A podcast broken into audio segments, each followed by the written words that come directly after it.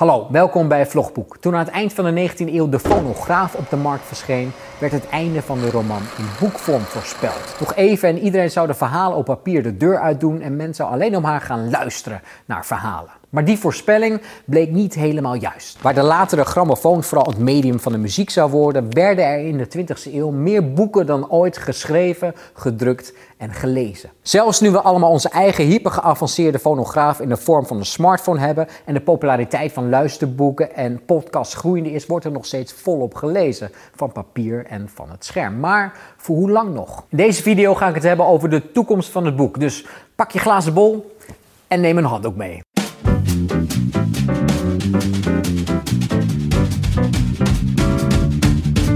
Science fiction is een genre waarin toekomstige werelden worden gecreëerd. En daarbij richten schrijvers en filmmakers zich natuurlijk op de futuristische elementen. Vliegende auto's, teleporteren, clones of robots. Of de hele wereld is zo'n beetje vergaan en dan noemen we het een dystopie. Het is aardig om eens na te gaan welke rol literatuur krijgt in deze verhalen. Zijn er überhaupt nog mensen die lezen in deze fictieve toekomst? Nou, een rondvraag op Twitter zorgt ervoor dat er nog best wel wat voorbeelden te noemen zijn. Zoals Star Trek, waarin Hamlet gewoon nog van papier wordt gelezen. Battlestar Galactica, waarin nieuwe literatuur nog steeds wordt geschreven en gelezen. Of Westworld, waarin een citaat uit Alice in Wonderland een cruciale rol heeft. Voor de makers van deze series is het dus lastig voor te stellen dat de toekomstige wereld geen boeken meer kent. Sterker nog, er wordt wordt ogenschijnlijk net zoveel gelezen als nu. Aan de andere kant zijn er science fiction films waarin boeken met literatuur vooral een museumstuk zijn.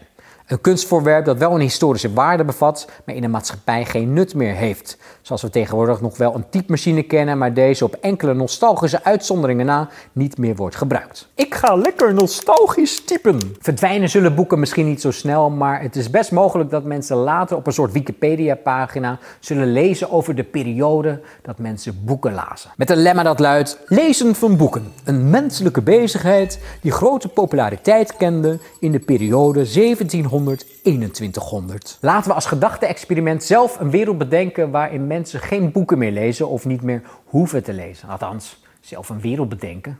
Daar hebben we natuurlijk gewoon schrijvers voor. In de Matrix, maar ook in boeken als The Neuromancer, is het mogelijk om informatie te uploaden en vaardigheden te leren. Zo leert Neo in de Matrix binnen enkele seconden alle vechtsporten. Stel nou dat het zoiets mogelijk wordt in de toekomst, dat je bijvoorbeeld een taal kunt leren door deze simpelweg te uploaden. Zou je dan ook een verhaal kunnen uploaden. In de vorige video over de vraag waarom Netflix kijken leuker is dan lezen, had ik het over het bijzondere van lezen. Waarbij je al lezend keuzes en interpretaties maakt, waardoor je zelf een virtuele wereld en het verhaal creëert. En daar is het denk ik ook het antwoord op de vraag of het mogelijk is om een verhaal te uploaden. Een verhaal is een leeservaring die lineair verloopt. Oftewel, je moet deze zin voor zin tot je nemen om tot die ervaring te komen. En uploaden staat haaks op deze lineariteit van woorden en zinnen. Of je moet naast de tekst ook een leeservaring kunnen uploaden. Maar dat zou ook een beetje raar zijn, want wiens ervaring is het dan nog? In ieder geval niet die van jou. Prachtig, fantastisch verhaal.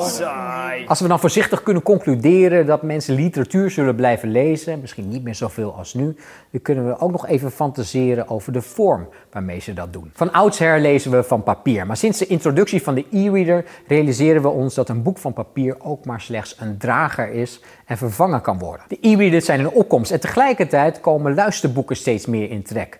Waardoor we inderdaad, zoals die 19e eeuwers naar aanleiding van een fonograaf voorspelden, een soort van terugkeren naar de orale traditie, naar de verhalenvertellers. Er zijn steeds meer digitale lezers. Zo'n 40% van de Nederlandse bevolking leest e-boeken. Maar de voorkeur van de boekenlezers, ook bij de jeugd, blijft toch het papieren boek. De voordelen die worden genoemd zijn makkelijker terugbladeren, aanstrepen, lekker bladzijden omslaan, de geuren. Zelfs het dichtklappen van een boek hoort bij een leesbeleving. En bij het lezen op een tablet of een smartphone is er ook het gevaar dat je wordt afgeleid door binnenkomende berichten. En afleiding is de grootste tegenstander van de lezer en zijn boek. Goed, die gram was wellicht wat overdreven, maar het klopt wel. Uit een Noors en Canadees onderzoek naar het begrip bij lezen blijkt overigens dat lezers van verhalen op een tablet minder diep opgaan in de verhaalwereld en het verhaal ook minder goed onthouden. Nu is dit niet meteen het bewijs dat er iets verloren gaat bij het digitaal lezen. Misschien moeten we er gewoon nog iets meer mee oefenen en is dit wederom een vaardigheid die we moeten trainen. Kom op, digitaal lezen. Kom op, sneller, beter. Nog iets anders. Met de opkomst van het internet, maar ook al met de introductie van de personal computer in de jaren 80 van de 20e eeuw, zagen schrijvers mogelijkheden om te experimenteren met verhalen. Zoals de zogeheten hyperteksten, waarbij het verhaal niet van het begin tot het einde leest, maar waarbij je als lezer steeds keuzes moet maken, waardoor het verhaal een andere volgorde krijgt of zelfs een andere tekst wordt. En hoe speels dit ook klinkt, tot op heden zijn deze hyperteksten nooit succesvol geweest. En ook hier heeft de wetenschap een antwoord op. Omdat je bij deze vorm naast het lezen van de tekst steeds keuzes moet maken, onderbreek je je leesflow en word je als het ware uit de verhaalwereld gestoten. Door die keuzes is er minder ruimte in je werkgeheugen om informatie op te slaan. En na elke klik moet je je opnieuw inspannen en concentreren.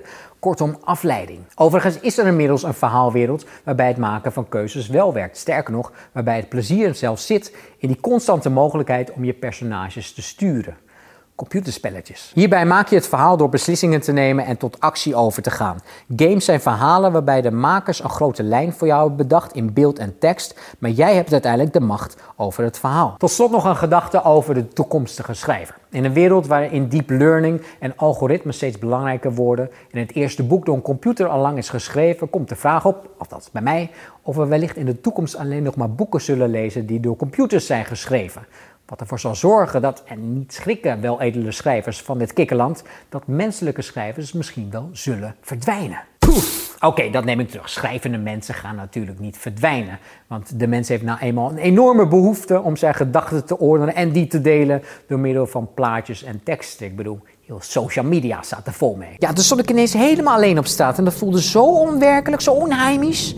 Alsof je helemaal mega lonely op die motherfucking planet bent. Maar gaan schrijvende computers misschien wel deel uitmaken van de toekomst van literatuur? Verhalen bestaan, zoals je inmiddels weet, om ons wereldbeeld te bevestigen of om ervan af te wijken. En vooral dat laatste lijkt me voor computers erg lastig. Want om af te kunnen wijken heb je een creatieve impuls nodig. Terwijl computers eigenlijk alleen maar kunnen werken met al die dingen die al bestaan. Dus ja, een computer zal in de toekomst een volledig toneelstuk kunnen schrijven in de stijl van Shakespeare of een dierverhaal in de vorm van Reinhard de Vos. Maar al die teksten zullen onze wereld en onze bestaande literatuur vooral bevestigen. Maar ze zullen niet iets nieuws kunnen brengen en dus kan een computer nooit een veelgelezen wereldauteur worden, denk ik hoop ik. In de volgende aflevering ga ik terug naar het heden en richt ik me op het onderwijs. In de afgelopen video's heb ik laten zien dat verhalen een levensbehoefte zijn en dat het lezen van boeken een ontspannende bezigheid is. Maar waarom moet je dan toch verplicht boeken lezen op school?